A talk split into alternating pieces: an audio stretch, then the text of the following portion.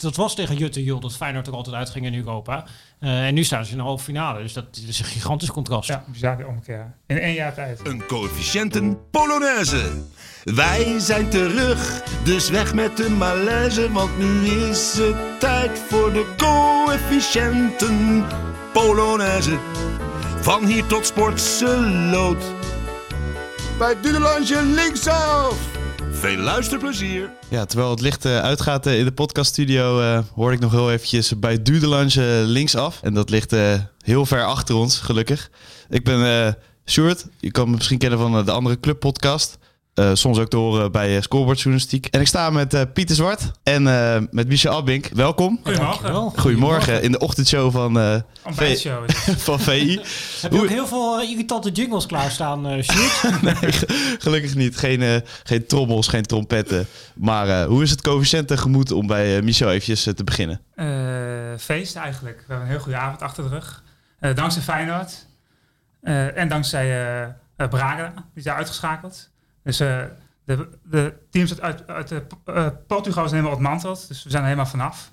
En de komende maand moeten we echt extreem gaan uitlopen op, uh, op Portugal. Dus het, het ziet er wel goed uit, denk ik. Ik heb in een café Feyenoord gekeken. En daar waren mensen ook oprecht aan het juichen dat Braga uitgeschakeld was. Ik denk dat jij daar wel aan bijgedragen hebt, Michel, de afgelopen maanden of jaren natuurlijk. Het echte bewustzijn is extreem groot nu momenteel in, in ons land. Dus dat is positief. Nou, ik schrok er goed gedaan. Ja, want ik, ik zat uh, gisteren uh, op uh, de website van de collega's van Voetbalprimeur. En toen zag je daar, heb je natuurlijk ook die best gelezen lijstjes. En er stond daar bij far bovenaan een stuk over coëfficiënten daar. Dus als zelfs de overtik-sites aan de coëfficiënten beginnen, dan weet je wel hoe ver het is gekomen, Mies. Het wordt overal goed gelezen, volgens mij. Terecht. Nee, zeker. en, we hebben er alles aan gedaan de afgelopen jaren. Dus. Om een tipje van de sluier te lichten alvast. Um, hoe uh, dichtbij is die uh, zesde plaats? Uh, nou, eigenlijk nog niet heel dichtbij. Want we moeten nog tot 2023 volhouden. Het is een extreem grote marathon eigenlijk. Daar heb je ook een verstand van, van marathon. dus we moeten nog 13 maanden volhouden. en dat ziet er wel goed uit, denk ik. Want nu hebben we 1,8 punt voorsprong op plek 7, waar Portugal staat. In de periode 2018-2023 dus. En voor elke zege krijg je 0,4 punt. Dus in dat opzicht is 1,8 niet, niet extreem groot, dus dat verschil. Dus uh, het, het, is nog heel erg spannend de komende 13 maanden.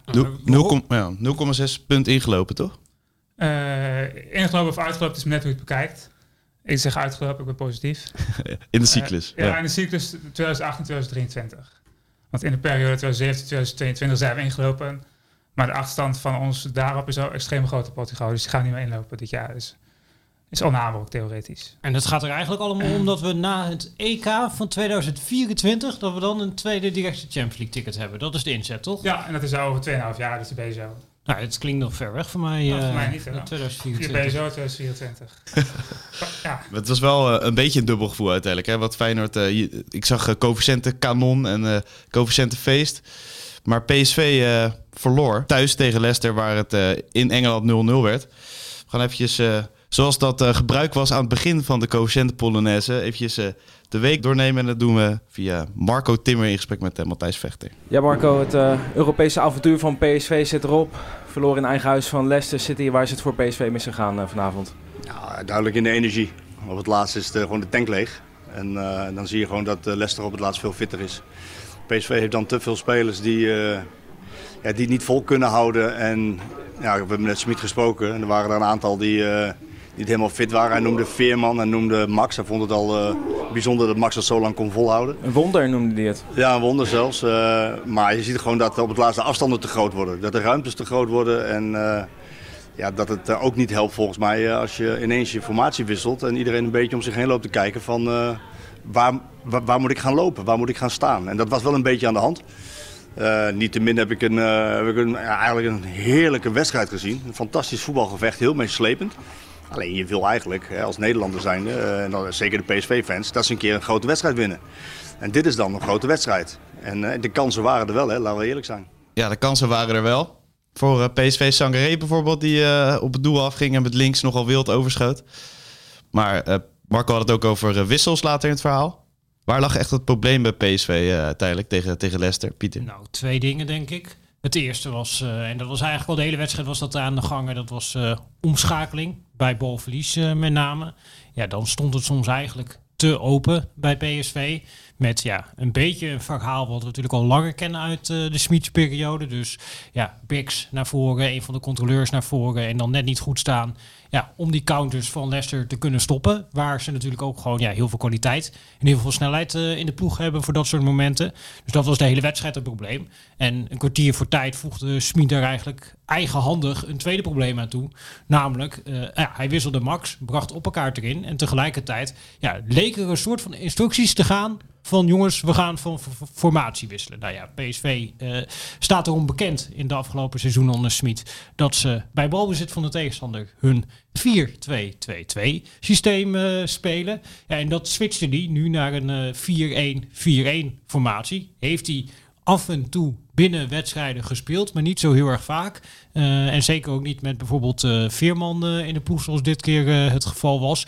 Dus ja, en, maar het leek ook oprecht op, als ik er naar zat te kijken, dat sommige spelers niet door hadden dat ja, die formatie daadwerkelijk gewisseld was. Het deed me een beetje denken eigenlijk toen ik er naar zat te kijken aan een anekdote die Thomas Tuchel ooit vertelde uit de legendarische wedstrijd tussen Dortmund en Liverpool. Destijds nog in de Europa League, waar volgens mij was het destijds op een ja, propvol Enfield. Thomas Tuchel ook dacht, ik ga van mijn formatie wisselen. Alleen ja, uh, supporters zijn aan het schreeuwen en probeer dan weer je spelers aan de andere kant uh, van het veld te bereiken. Uh, en die was zo eerlijk om achteraf te vertellen, ja, de linkerkant van mijn elftal speelde de ene formatie, de rechterkant van het elftal speelde de andere formatie. die indruk kreeg je toch ook wel een klein beetje bij PSV in deze slotfase, dat de onderlinge afstemming, ja, dat dat behoorlijk weg was. En dat ja, sommige spelers nog op een oude positie aan het lopen waren, waar anderen op een nieuwe positie liepen, waardoor in één keer Leicester vanuit ja, eigenlijk de eigen opbouw in één keer tot kansen kwam. En dat was de hele wedstrijd was het niet gebeurd. Dus ik denk dat dat ja, toch wel een misrekening geweest is van Smit, dat hij dacht dat hij dat kon doen uh, in zo'n wedstrijd met ja, zo'n enthousiast publiek, dat hij dacht, oh, dan kan ik nu mijn ploeg bereiken. En dan hebben we mensen die dat daadwerkelijk kunnen neerzetten. Want dat ja, gebeurde uiteindelijk gewoon niet. Kan je dat uh, de spelers ook nog kwalijk nemen? Dat ze niet goed communiceren of het uh, doorgeven aan elkaar? Of is dat puur op Smitse konto dan? Nou ja, ook de spelers. Maar dat is denk ik sowieso natuurlijk bij PSV wel een issue. Ja, wie zijn daar nou de spelers die je daar echt gaan aancoachen vanuit het veld? Nou ja, dat zou je André Romaglio kunnen noemen normaal gesproken. Maar je zag dat die de deze wedstrijd eigenlijk ook niet lekker in zat. En dat ook net weer helemaal fit nu ja, natuurlijk. speelt voor hem wat ongebruikelijke positie links centraal achterin. En je merkte dat ja, hij dacht toch, die spits is wel heel erg snel. Dus ik moet een beetje naar achter lopen. Nou, dat helpt denk ik ook niet mee als... Uh, ja, dat zag je ook natuurlijk gebeuren. Zeker na de 1-1. Dat de voorwaartse liepen naar voren. De, achterste linie liep naar achteren. Ja, en dan worden de ruimtes uh, gigantisch. Dan is Leicester veel te goed. En die kunnen daar gewoon doorheen spelen. Ja, Mark had het ook inderdaad over een topwedstrijd die weer niet gewonnen werd. Ja, het is natuurlijk niet echt toeval meer. Of, zit dat erin geslopen bij, bij speelstijl? Wat is de verklaring daarvoor? Dat het dan weer niet lukt? Nou ja, dat is zeker geen toeval meer, want het is nu heel vaak uh, gebeurd. Ja, uh, aantal uh, aspecten denk ik. Ja, voor een deel is natuurlijk ook gewoon kwaliteit. Zo simpel is het denk ik uiteindelijk ook. Ja, hoeveel spelers heeft PSV die daadwerkelijk ja, op dit niveau weten hoe het is om dit soort wedstrijden te winnen. Nou ja, dan kom je al snel uit uh, bij uh, Mario Gutsen. Nou, die had ook dit keer weer een hele positieve goal in de wedstrijd. Maar ja, daarna heb je vooral ja, heel veel jonge spelers of heel veel spelers die ja, gewend zijn om ergens in de subtop te spelen in een uh, ander land. Of Van Ginkel die op, op de bank zit eigenlijk. Ja, Van Ginkel die op de bank zit. Dus ja, dat, dat ontbreekt denk ik een beetje bij PSV. Spelers ook die dat in het veld kunnen vertalen en ook in het veld op een gegeven moment kunnen aanvoelen van oeh, dit is een moeilijke fase. Want het was natuurlijk Nago zeker tegen Leicester. En die dan uh, PSV door zo'n moeilijke fase heen kunnen trekken. Door even aan te voelen wat op dat moment de wedstrijd nodig heeft. En dat, dat soort spelers ja, heeft PSV niet echt. En de speelstijl leent zich daar ook niet echt voor. Omdat hij natuurlijk heel erg gericht is op ja, met z'n allen druk zetten. En dat werkt eigenlijk alleen maar. Dat werkt natuurlijk ook heel goed voor de 1-0. Op het moment dat iedereen meedoet. En als één schakeltje is er toch een beetje twijfel, ja, moet ik toch niet naar achter. Ja, dan heeft de ploeg als Leicester de kwaliteit om daar onderuit te spelen. En in die zin is het ook een beetje dubbel dat deze speelstijl geeft de meeste zekerheid op het moment dat je met z'n allen eigenlijk als een stel kamikaze-piloten naar voren blijft stappen en die principes blijft uitvoeren en met z'n allen, ja, eigenlijk is het gewoon het, de tactiek is met een zwer, als een zwerm bij je iedere keer op die bal af. Alles of niets. Ja, en dat, dat moet je blijven doen. Uh, en als er één iemand het op een gegeven moment niet doet, ja, dan kunnen ze, zoals ook bij de 2-1 gebeurt, op een gegeven moment, uh, als ze aan de zijkant zijn, onder de druk uitspelen en dan een vrije man vinden aan de andere kant. Ja, dus je moet met z'n allen mee blijven doen. Alleen de neiging is natuurlijk, als het even niet lekker loopt, om dan toch te denken van, oeh ja, het voelt wat zekerder om in positie te blijven. Maar eigenlijk wordt het daarmee alleen maar onzekerder als jij deze speelstijl hanteert. En ja, dat, dat is wel gewoon een dingetje voor PSV. Wat heel vaak terugkomt uh, binnen wedstrijd. Dat ook spelers op zoek gaan naar schijnzekerheid. Uh, en daarmee eigenlijk alleen maar meer problemen veroorzaken. Want dit was gewoon een unieke kans toch? Je komt 1-0 voor. Uh, je, je kan een beetje leunen.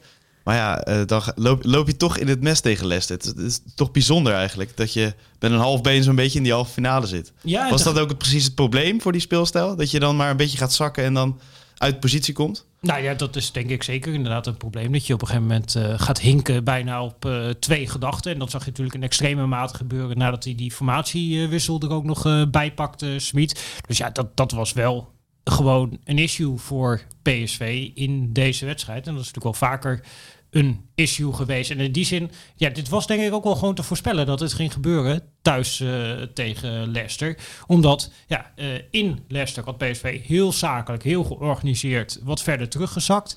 En je weet, ja, dan komt het eigen publiek erachter. En dan ja, ga je op een gegeven moment toch verder naar voren spelen. En dan loop je toch in het mes tegen zo'n ploeg als Leicester.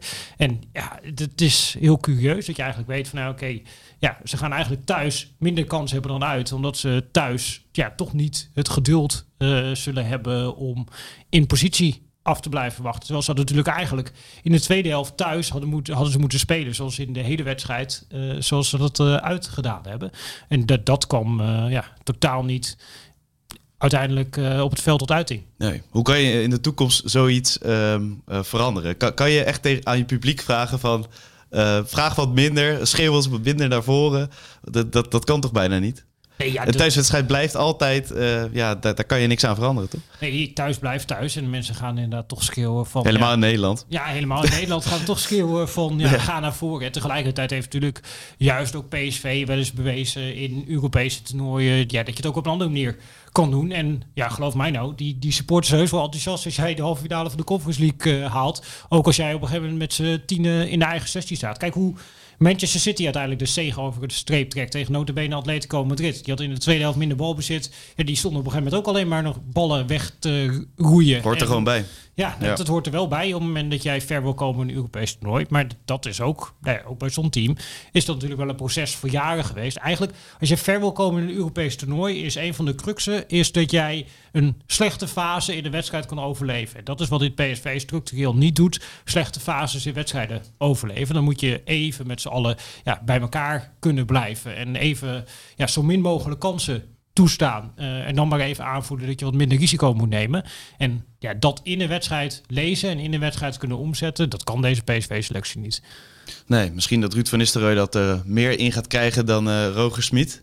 En onder Smit een, uh, in ieder geval een coëfficiënte domper, Michel. Toch, want die halve finale was gewoon in zicht. Ik had hem een beetje ingecalculeerd, die halve finale van PSV. Ja? ik, ik vroeg me ook af. euforie geweest vandaag. een heel goede vrijdag was het dan geweest. Hoe zit, je, goede vrijdag. hoe zit jij ernaar te kijken, naar zo'n wedstrijd? Uh, Echt bezig met de coëfficiënten? Ik ben wel een beetje aan het rekenen natuurlijk. Het was ja. natuurlijk een heel, heel aantrekkelijke wedstrijd om te kijken. Maar ik ben in mijn achterhoofd altijd een beetje aan het rekenen. Hoeveel punten gaat het opleveren en zo. En toen reken je er nog nu niet rijk bij de 1-0. Ja, wel een beetje. Als PSV had gewonnen, dan had je echt kunnen doorpakken. Ja. Ook, ook met het vorig seizoen.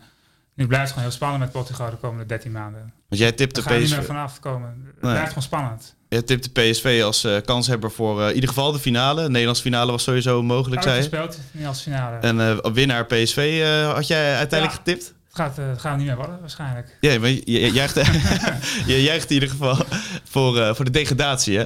Uh, in Europese opzicht. Ze hebben natuurlijk een ja, dubieuze primeur te pakken. Door drie keer uitgeschakeld te worden in drie verschillende toernooien. De eerste Eredivisieclub. Dus, ja, ja dat, is, dat is heel pijnlijk. En toch hebben ze heel veel punten gepakt dit jaar PSV, ondanks alles. Ze hebben 18 punten gepakt uit mijn hoofd. dus dat is, als, als de deel de 5, heb je, hebben ze ongeveer vier punten bijgedragen aan ons coëfficiënt dit seizoen. Dus dat is ook gigantisch gewoon. Ja. Dus al met al is best nog wel knap wat ze hebben gedaan. Al heeft het eigenlijk helemaal niks opgeleverd. Het was positief dat ze in de Europa League niet doorgingen, toch? Dat was heel goed voor ons. Ja. Want in de Conference League hebben ze uiteindelijk toch twee rondjes uh, overleefd. Dus de Conference League campagne van PSV heeft iets van zes punten opgeleverd. 1,2 voor het coëfficiënt is het dan meteen als je het omrekent. Dus na uh, Feyenoord, Ajax is PSV degene die in ieder geval de, die meeste Ja, punten heeft gepakt. En daarna komt AZ en daarna komt Vitesse helemaal onderaan Vitesse. Terwijl Vitesse toch een bizarre, bizar goed gedaan eigenlijk. En toch is Vitesse onderaan geëindigd qua punten met AZ eh, gedeeld. Allebei 40 punten, wat een extreem hoge ondergrens is eh, dit seizoen. En is eh, dit seizoen van PSV in Europees opzicht een beetje vergelijkbaar met de voorgaande jaren qua punten die ze? Eh, even kijken, vorig jaar hadden ze, ze veel minder punten, ja daarvoor ook. Het is volgens mij het beste jaar van PSV, misschien wel sinds 2004, 2005. En dat voelt heel raar toch? Als je wonnen. drie keer uitgeschakeld wordt. Ja, precies. Dat is dank aan de Conference League. Die heeft ons, heeft ons gewoon heel veel gebracht, ons voetbal, eh, de afgelopen periode. Met dank aan de UEFA. Nou, ja, En en, de met beste dank aan, uitzending ooit. en met dank aan Edwin van der Sar, toch? Eh, die heeft het ooit inderdaad eh, opge, opgeworpen, dat idee. Eh, dus dat is ja, ook met dank aan Van der Sar. Ja, want die haalde inderdaad in die tijd met Ajax heel veel punten binnen. En hij heeft de Conference League eh, in gang gezet. Ja, dat is echt een was held. ook- na- in de standbeeld van Ja, de maar, dat was natuurlijk ook na dat seizoen waar ze toen Ja. in de voorrondes eruit gingen tegen Nice en tegen Rozenborg. Ja. Nou, dan moet je net de Ajax hebben, die kun je dat natuurlijk niet Dat kan natuurlijk ze Ja, geen Europees spelen, dus dan moet je Ja, moest er een nieuw toernooi een komen. nieuw voor Ajax. komen voor Ajax. Ja. En het is nou net niet het toernooi waar Ajax eh, ooit in gaat komen, toch? Of, eh, dat kan heel snel gaan natuurlijk. het kan, ja, tuurlijk. tuurlijk maar. Andere trainer, je weet nooit hoe het gaat eh, in Amsterdam binnenkort natuurlijk. Andere spelers, ja. Nou, nu kijken ze een beetje op neer op die Conference Ja. League. Maar als Ajax zelf ver komt in de Conference League, dan eh, wordt er heel anders naar het toernooi Ja. gekeken. Dat kun je natuurlijk eh, ook eh, uittekenen.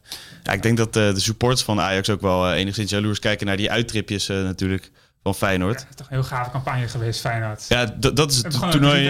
Ja, dat is, dat is het toernooi natuurlijk ook. Eh, voor, ook voor PSV. eh, naar Engeland, naar Leicester. Eh, het heeft wel een mooie, ondanks dat het het derde toernooi is. En misschien een beetje een gedrocht is van de UEFA. Is het toch ook geweldig op supportersgebied. Ja, ja, Tuurlijk. dat. En kijk naar die vier teams in de halve finale. Kijk, er is natuurlijk veel over gegaan. Jut en Jul. Maar dit is geen Jut en Jul meer. Dit zijn hele serieuze teams. Uit hele serieuze competities. Met hele serieuze kwaliteiten. Ik bedoel, je staat daar niet met eh, andere teams uit Tsjechië, Roemenië. Weet ik veel welke landen je zou kunnen verzinnen. Zelfs niet uit Portugal. eh, tot vreugde van Ja. eh, Michel. Maar je staat daar gewoon met de nummer 2 van Frankrijk. Daar gaat Feyenoord tegen spelen. Nou, ja, dat is sowieso heel erg serieus. Nou, je hebt gewoon een topteam eh, uit Italië met eh AS Roma. Dan vijfde, dus doet, doet het gewoon heel goed dit jaar ook. Ja, Met Mourinho. Ze hebben het niet Nou, altijd serieus genomen, hè, eh, die, die clubs. Nu, nu Nee, wel natuurlijk. Nu wel, maar inderdaad. Ja, En Leicester inderdaad. eh, de, van eh Rodgers is bekend dat hij eh, op die wisten gegeven- niet. Die, die zei inderdaad, toen hij in de Conference League moest gaan participeren, zei hij van, nou ja, ja ik weet niet wat, wat dat is voor eh toernooi. Dus ja, die waren er niet mee bezig. Maar ja, die hebben een heel teleurstellend seizoen eigenlijk. In de competitie spelen ze bijna om niks meer. En dan zie je op een gegeven moment dat alle ballen toch ook bij Leicester op de Conference League gaan. Die hebben in de Premier League spelers gespaard voor de Conference League. Nee, dat, dat laat Had je dat ooit gedacht? Ja, heel blij gisteren Leicester. Zo. Ja, ja, ja. Feest ja. was het daar hoor. Maar, Maar- dat is natuurlijk ja. ook voor zo'n team. Die hebben niet zoveel kansen in Nee. Engeland om een prijs te winnen. Ja, als je dan de Conference Eén League op een gegeven moment zou kunnen pakken, ja, dan is dat natuurlijk een fantastisch, eh, ja, fantastisch iets voor hen om mee te maken. En begint het toernooi nu, nu pas echt? Eh. Als je daar op, groep, ja, op groepsfase van Feyenoord kijkt, is het bijvoorbeeld wel vrij pittig geweest met, met goede tegenstanders. Ja, goed, Union Berlin. Die moet je zeker niet eh, onderschatten. Een slaaf, En. Slavia was ook gewoon een heel lastige tegenstander in de pool. En Partizan, die had hartstikke goede cijfer dit jaar. En West-Slavia, dus een best wel lastig parcours gehad, hè, Feyenoord, denk ik. Dus echt gewoon razend knap. Dat Ik moet het niet te re- erg relativeren. geboekt, Feyenoord, dit jaar. Elf. Een imposant record is dat voor Feyenoord. He- Heb jij dat snel eh, bij de hand als je Arne Slot afzet tegenover andere Feyenoord-trainers in Europa? Ik weet nog dat helemaal in het begin van het seizoen een paar keer gekeken. Maar hij is volgens mij iedere recente trainer al voorbij qua zegens in Europa. Ja, nu al. Het is het eerste seizoen al. Advocaat laat hij al ver achter zich. Eh, Stam ook, net. Maar dan zeggen die trainers wel, wij hadden de Conference League niet. Ja, Europa League, eerste ronde is een beetje vergelijkbaar met Conference League knock-out fase, denk ik. Hoor. Dus uh, dat wat je van Broncos natuurlijk, die is natuurlijk heel lang gezeten. Dus die is waarschijnlijk nog niet voorbij, slot. Rutte nog... Nou, denk ik wel hoor. Qua aantal zegens misschien ook al wel, hoor. Ja, want die heeft natuurlijk ook nog Champions League gespeeld. En tegen Trentin ging niet zo goed. Nee, dat ging ook niet zo lekker. Nee, tegen Trentin. Suboptimaal. Nee, maar dat is wel het niveau waar Feyenoord vandaan komt. Dat je eruit gaat tegen Trentin en tegen Wolfsberger. Eh, Ja, ja, klopt. dat was tegen Jutte Jul dat Feyenoord er altijd uitging in Europa. Eh, en nu staan ze in de halve finale. Dus dat is een gigantisch contrast. Ja, bizar omkeer. In één jaar tijd. Elf zegens. 18 wedstrijden hebben ze straks in totaal. Misschien wel 19, als ze de finale halen. Dat is wel bizar. 19 wedstrijden in een seizoen in Europa. Bijna een uh, ja, ja, hele seizoen zelfs ja, gewoon in Europa gespeeld. Ja. Ja. laten we het nu hebben over die 1-3 zegen bij uh, Slavia Praag. Martijn Krabbedam uh, was in Praag. Ja, Martijn, uh, hoe is het daar? Nu, nu heel rustig, want je zit op een hotelkamer. hoe was het gisteravond? Dat is natuurlijk 20 jaar geleden, hè, dat ze uh, zich plaatsen voor een halve finale in Europa. En, en nu weer. Dus wat dat betreft was het een historische avond. Ja, zij is ook, het is natuurlijk de coëfficiënte Polonaise podcast. Zij is een beetje coëfficiënt. Ja, hoe is, hoe, is het met, hoe, is, hoe, is, hoe is het met Michel? Ja, nou kan Michel het beste zelf zeggen, denk ik.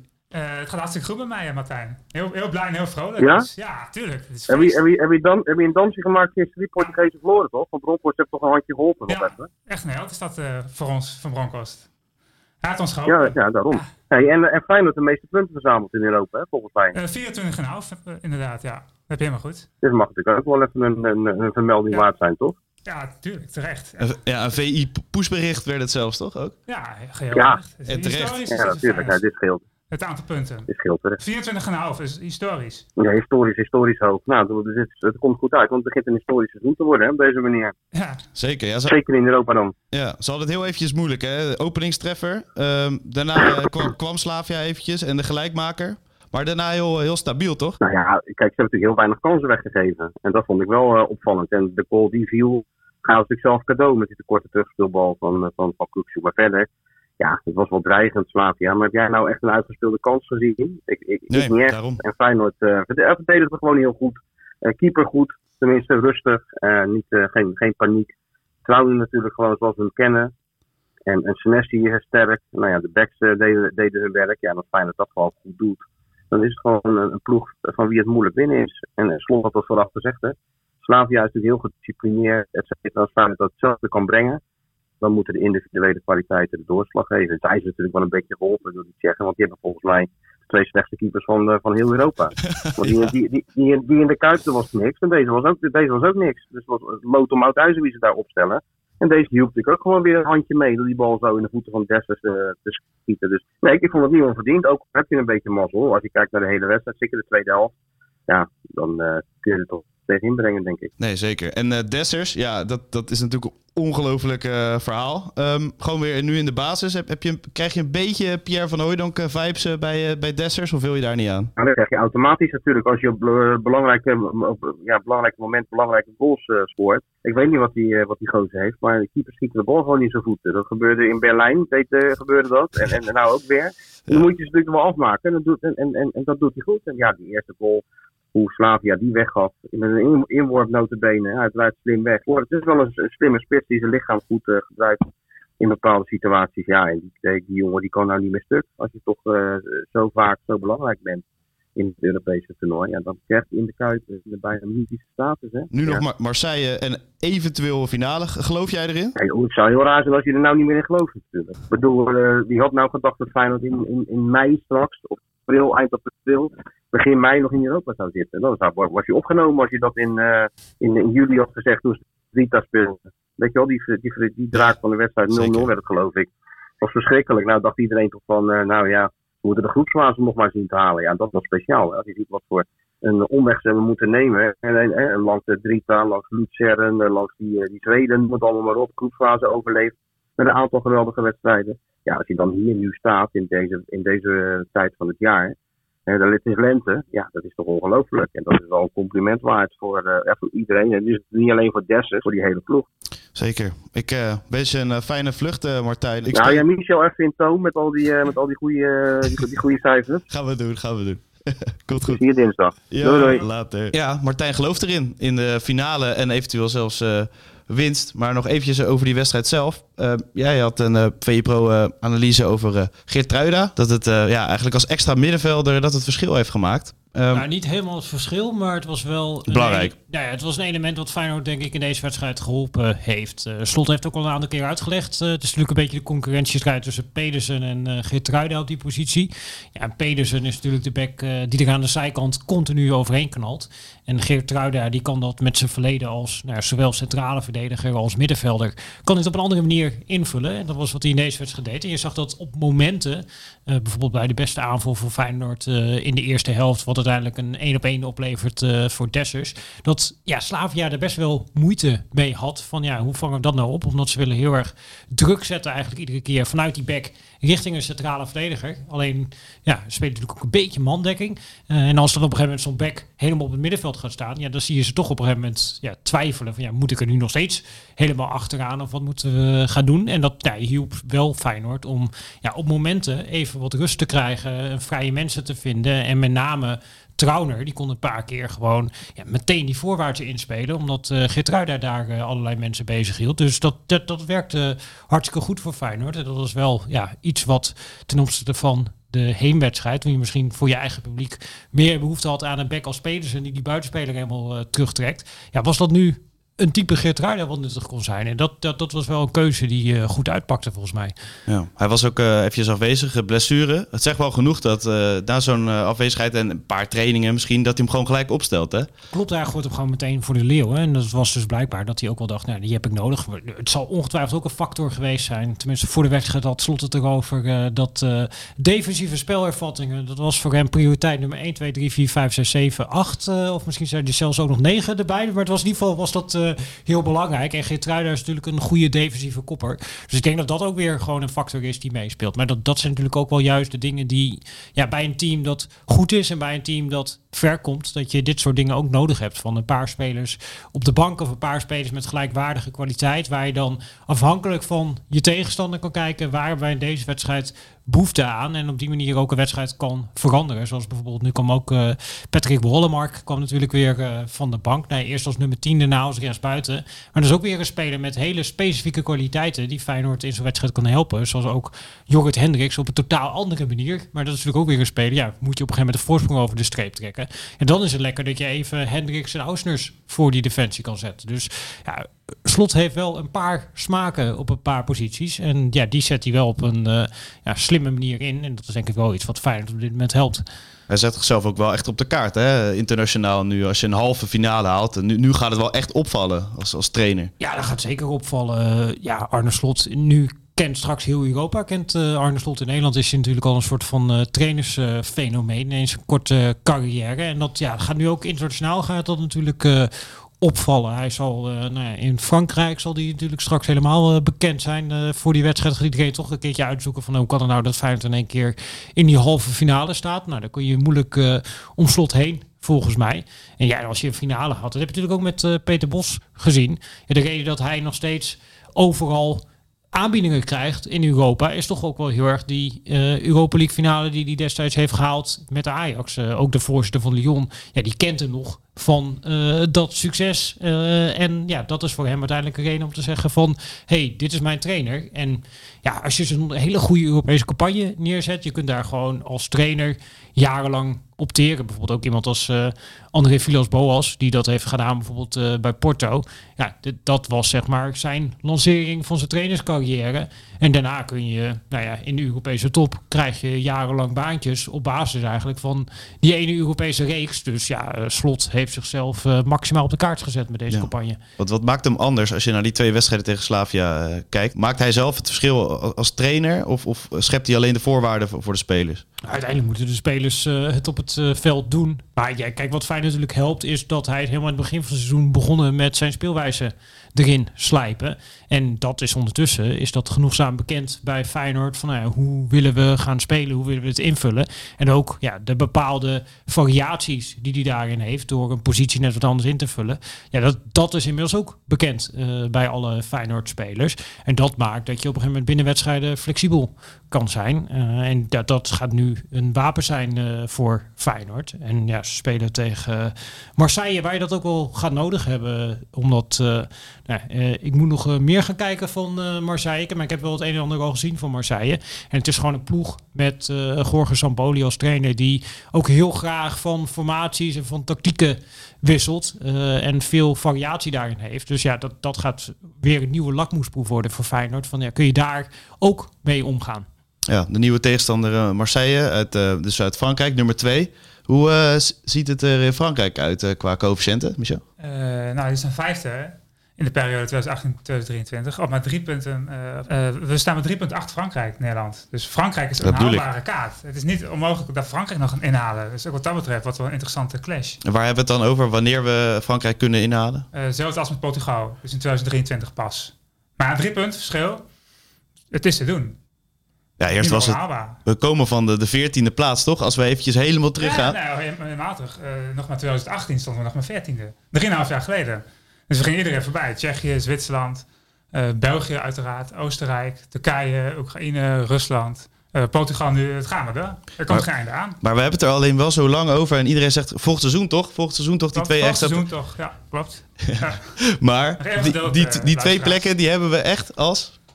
Als, het in het, eh, als we eerste, tweede, derde, vierde, vijfde, of, eh, of, of er net iets boven staan nog. Dus eh, we staan nu zevende. We moeten naar plek 6 in die cyclus 2018-23. En dat zal denk ik ook wel helpen in het Europees voetbal. Dat je twee ploegen daar hebt. En dan kan je die bonuspunten weer een keerretje pakken. Dan heb je in ieder geval meer kans op die bonuspunten. En, en dan kan je door blijven stijgen. Of, of ga ik nu te ver? Ja, het is natuurlijk wel heel erg zwaar uiteindelijk. Uiteindelijk, ja. Uiteindelijk wordt het wel lastig. Denk ik, Zesde is maximaal, wel denk je? Ik denk zesde. Ik denk vijfde is het echte maximale. Maar de top vier, ga je niet meer tussen komen. Dat verschil is zo groot. Je gaat ook nooit meer eh, die vier plekken krijgen, toch? En dat de UEFA opeens zegt van... hey, Eredivisie krijgt vier plekken. En dan moet je misschien ook niet willen als Eredivisie zijnde. Nee? Hoezo vier clubs, ja, vier clubs op het hoogste niveau? Nee, ja, denk ik niet. Ik denk het niet. Dan gaan we FC Twente opeens eh, in de Champions Ja, League... die ja. gaan er niet heel veel punten pakken waarschijnlijk. Dat we heel erg gaan zakken. Heel Ja. snel. Het kan heel snel gaan op de coëfficiëntenlijst. In positieve, maar ook in negatieve zin. Wat ook, wat ook we hebben meegemaakt natuurlijk. Zeker. Dus- Maar Frankrijk kunnen we gewoon dus eh, inhalen. En eh, de trainer inderdaad bij Marseille, dat is toch ook een voorbeeld eh, voor slot. Dat is toch wel saillant eh, detail. Nou ja, het is een van de trainers die hij wel ziet als een van zijn inspiratiebronnen. Omdat hij met al zijn ploegen wel heeft laten zien dat hij aanvallend voetbal na kan streven op een dynamische manier. Dus dat ja, wordt een ontmoeting eh, tussen de twee kale trainers. En als mensen slot soms eh, te druk vinden langs de lijn, dan kennen ze Jorge Sampoli eh, nog niet. Waarvan een van de meest fameuze anekdotes over Sampoli is dat hij helemaal in het begin van zijn trainerscarrière onderin de lagere divisies in Argentinië was hij op een gegeven moment geschorst voor een wedstrijd, omdat hij weer eens tekeer was gegaan tegen de scheidsrechter. Hij was trouwens ook bij de plaatsing voor de halve finale was Sampaoli eh, als vanzelfsprekend was hij geschorst omdat hij weer eens een keertje uit zijn dak was gegaan. En destijds eh, dacht hij, ja, hoe ga ik nou toch mijn team coachen? En toen is hij eh, in een boom nabij het stadion gaan zitten om alsnog vanuit daar eh, zijn ploeg de aanwijzingen toe te schreeuwen. Zie je het slot ook doen, of niet? Nou ja, dat, dat, dat laat wel zien in ieder geval. dat Poesic misschien wel. ja, Poesic eh, is er denk ik toe, toe in staat. Ja. Dus ja, dat, dat- dat, zegt denk ik iets over het karakter van deze man. Ik zag ook toevallig laatst nog een item met Marseille-spelers die dan reflecteerden op de trainer eh, En een van de spelers die zei, ja, dit is de slechtste eh, trainer die ik ooit gehad heb. Eh, en de, om de reden die hij noemde was, eh, na de training wil hij nog wel eens mee gaan doen met voetbal. Maar hij zei, ja, moet je nooit doen als trainer, hè? nou ja, en zeker Sampaoli niet, want die heeft natuurlijk helemaal geen fatsoenlijke carrière gehad. Nee. Eh, dus in, in dat opzicht was hij de slechtste trainer die hij ooit gehad had. Want ja, hij kon nog geen bal aannemen. Dat was eigenlijk de conclusie die hij trok. En hij vond dat Sampaoli er verstandig aan zou doen om niet meer na de training eh, even mee te willen doen. Mooi. Mooi, ja. We hebben het dus eh, nog over uh, coëfficiënten kanon Feyenoord, moet ik eigenlijk... eh, Coëfficiënt kanon. ja, ehm, wat, ja, hè? nu dus op nummer 1 van alle Nederlandse ploegen. Ehm, hoeveel punten in totaal en, en hoeveel kan er nu nog bij komen? Stel je halffinale en finale komen eraan. Eh, maximaal 7 punten. Want je krijgt voor het bereiken van de finale krijg je één bonuspunt. Als je de finale wint, heb je trouwens geen bonuspunten. Een rare omissie, vind ik. de Feyenoord heeft al eh, eentje gekregen, toch? Eén bonuspunt. Eh, In voor de- het bereiken van de. Ja, F, ja F, ze waren natuurlijk eerst in de pool. Daar kregen ze twee bonuspunten voor. En voor het bereiken van de halve finale kregen ze ook dus opnieuw een bonuspunt. Dus Feyenoord staat op drie bonuspunten dit seizoen. En in de wedstrijd zelf hebben ze 21,5 punten verdiend. Wat bizar is, maar goed. Absurd. En los van die bonuspunten heb je dus nog de zeges en de ge- Ja. gelijke spelen die erbij komen. is eh, twee punten. Dus eh, gedeeld door vijf vanwege het aantal clubs dat we hadden aan het begin van het seizoen. Dus dat betekent 0,4 voor elke zege. En voor gelijk spel heb je 0,2. Eh, en ze kunnen nog maximaal 7 punten halen, Feyenoord. Dus gedeeld door 5 is 1,4 voor ons coëfficiënt. Dus maximaal staan we na dit seizoen 3,2 punten voor Portugal.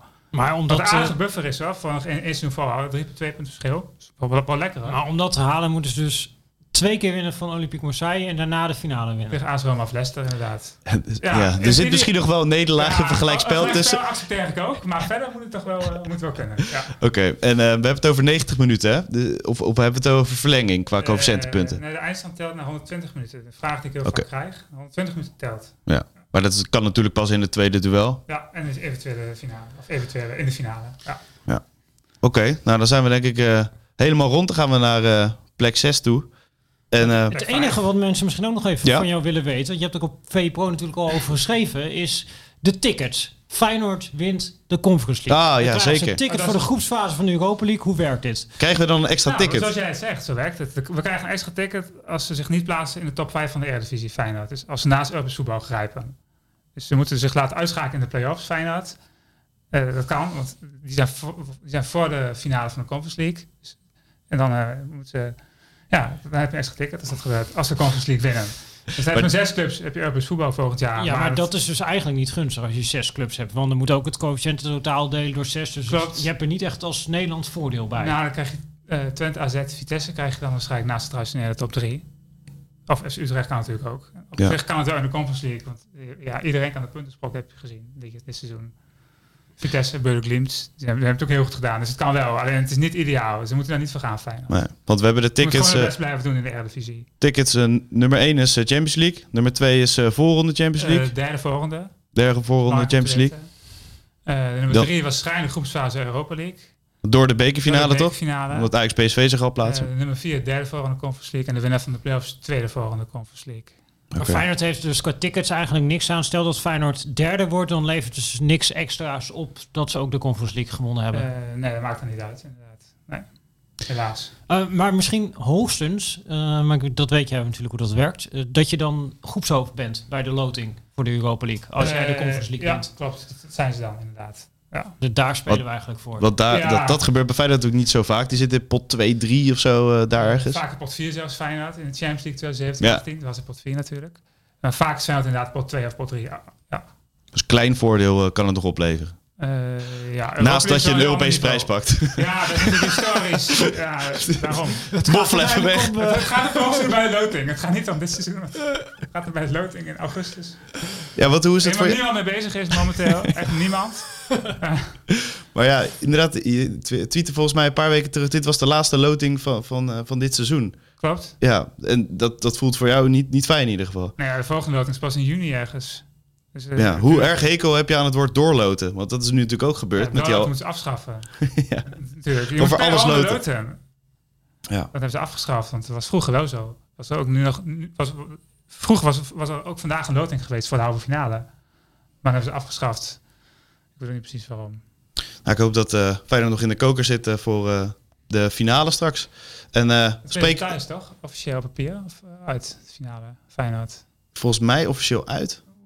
Ik weet het niet zeker. Tirana Maar uit, altijd lastig. Eh, Tirana uit. Tirana zal voor. Feyenoord zijn. Ja, En staat onze afspraak dan weer? voor, voor eh, podcast. Ja, want we moeten jou natuurlijk nog eh, Ik ben nog... eh, helemaal uitknijpen totdat je ik- hier Ik, ben eh, helemaal uitgemergeld. eh, ja. Dus, het eh, eh, pand gaat verlaten, ja. wat ons natuurlijk pijn doet. Nou, we moeten toch wel afspreken dat we na, na die tweede halve finale, dan moeten we even de coëfficiënt thermometer moeten we even In Michel steken. En dan moeten we even kijken hoe we ervoor staan. Een coëfficiënten Polonaise. Wij zijn terug, dus weg met de malaise, want nu is het tijd voor de coëfficiënten Polonaise. Van hier tot Sportse Lood. Bij Dudelange linksaf.